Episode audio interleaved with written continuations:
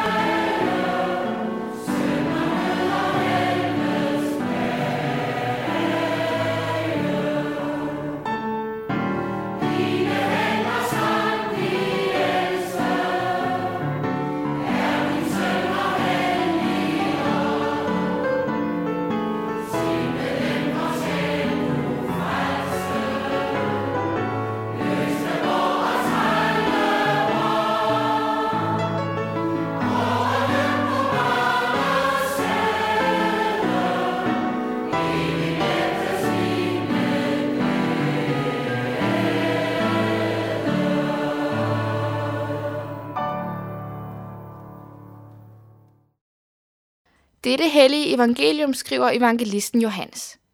Derefter var det en af jødernes fester, og Jesus drog op til Jerusalem. Ved forporten i Jerusalem er der en dam, som på hebraisk kaldes Bethesda. Den har fem søjlegange. I dem lå der en mængde syge, blinde, lamme og krøblinge, som ventede på, at der skulle komme bevægelse i vandet. Til tider får herrens engel nemlig ned i dammen og bragte vandet i oprør. Den første, der kom ned i vandet efter, at det var bragt i oprør, blev rask, hvilken sygdom han end af. Der lå der en mand, som havde været syg i 38 år. Da Jesus så ham ligge der og vidste, at han allerede havde været der i lang tid, sagde han til ham, Vil du ikke være rask? Den syge svarede, Herre, jeg har ikke et menneske til at hjælpe mig ned i dammen, når vandet er bragt i oprør, og mens jeg er på vej, når en anden i før mig. Jesus sagde til ham, Rejs dig, tag din borger og gå. Straks blev manden rask, og han tog sin borger og gik omkring. Men det var sabbat den dag, derfor sagde jøderne til ham, som var blevet helbredt. Det er sabbat, og det er ikke tilladt øh, dig at bære dit borger. Han svarede dem. Det var ham, som gjorde mig rask, der sagde til mig, tag din borger og gå. De spurgte ham, hvem var den mand, der sagde til dig, tag den og gå? Men han, som var blevet helbredt, vidste ikke, hvem det var, for Jesus var gået sit vej på grund af menneskemængden på stedet. Senere mødte Jesus ham på tempelpladsen og sagde til ham, Nu er du blevet rask, Synd ikke mere, for at der ikke skal ske dig noget værre. Manden gik tilbage og fortalte jøderne, at det var Jesus, der havde gjort ham rask.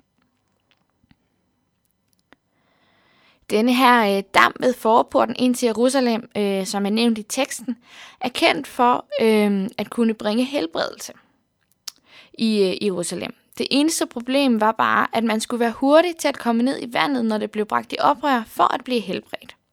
Og som lam var det rimelig udfordrende, for at sige det mildt. Det var altså en umulighed for denne mand at blive rask. Han kunne helt fysisk ikke bevæge sig hen til det sted, hvor han kunne blive rask. Sådan kan der også være ting i vores liv, som virker umulige. Det kan være relationer, som er blevet anstrengte. Det kan være økonomien, som presser. Det kan være oplevelsen af ensomhed eller tristhed. Det kan være en tvivl, der er så overvældende, at det virker fuldstændig umuligt nogensinde at komme til et sted, hvor man kan betegne sig selv som en, der tror på Gud. I dette tekststykke bliver vi dog mindet om, at for Gud er intet umuligt. Gud gør den lamme mand gående. Gud kan helbrede for alle sygdomme. Gud kan reparere enhver udfordret relation. Gud kan få selv de mest umulige ender til at nå sammen. Gud kan give glæde, overskud og fællesskab, hvor det virker umuligt, og Gud kan give tro til selv det mest mistroiske kolde hjerte. Ikke nok med, at Gud kan. I dagens tekststykke hører vi, at det er Jesus, som spørger manden, om han ønsker at blive rask. Jeg ved ikke, om I har prøvet det der med at gå og kæmpe med et problem, og så helt glemme at bede om det. Og så lige pludselig, så løser det sig.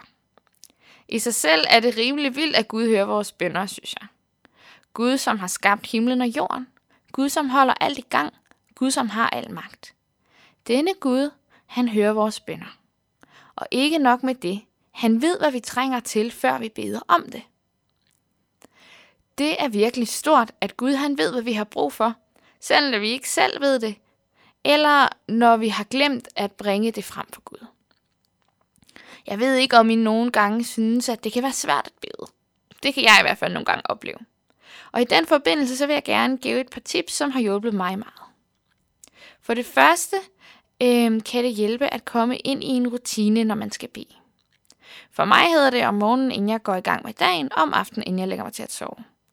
Det kan sagtens være på andre tidspunkter, men for mig fungerer det der. Det er det med rutinen, som, som kan hjælpe rigtig meget. Derudover kan det være en hjælp at bede bønder, som allerede er formuleret. Det kan enten være sange, salmer fra salmernes bog i Bibelen, eller en af de mange bønder, som står bag salmebogen. Som alt andet i livet går de følelser, som er knyttet til bønnen op og ned, og derfor skal man ikke miste modet, hvis man nogle dage oplever stor glæde ved bønnen, og andre dage oplever stor frustration. Gud hører bønnen, uanset hvordan vi føler det. Men tilbage til teksten.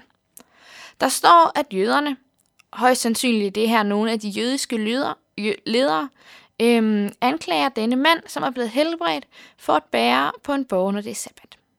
Sabbaten eller hviledagen er en fantastisk gave fra Gud, øh, og derfor skal vi også ære den.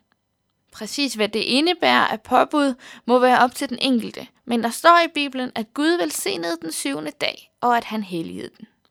Derfor er det vigtigt at sætte en dag til side til hvile, til at bruge tid på at lade Gud tale til os. I dagens tekst prøver jøderne dog at bruge hviledagen imod det, Jesus har gjort, og det, han har bedt manden om at gøre. Og der må vi vende os mod det, Paulus siger i et af brevene i det nye testamente om hviledagen. Nemlig, at hviledagen er skabt for menneskenes skyld, men menneskene er ikke skabt for hviledagens skyld. Det vil derfor altid være mennesket, som kommer før hviledagen. Jesu afsluttende kommentar til denne mand er, Gå og synd fra nu af ikke mere, for at der ikke skal ske der noget værre. Jesus minder denne mand om, at hans fysiske sygdom ikke er det farligste for ham. Nej, det farligste ville være ikke at tro på Jesu frelse, ikke at have ham som herre. For hvis det er tilfældet, ender livet i fortabelse. Lad os derfor vende os til Jesus, for at bede om at leve i vores hjerter, for at give os frelsen, men for også for at fortælle ham og bede ham om, at alle de ting i vores hverdag, som vi går og kæmper med. Jesus lover, at han altid vil lytte. Og nu vil vi afsluttende høre sangen du omslutter mig.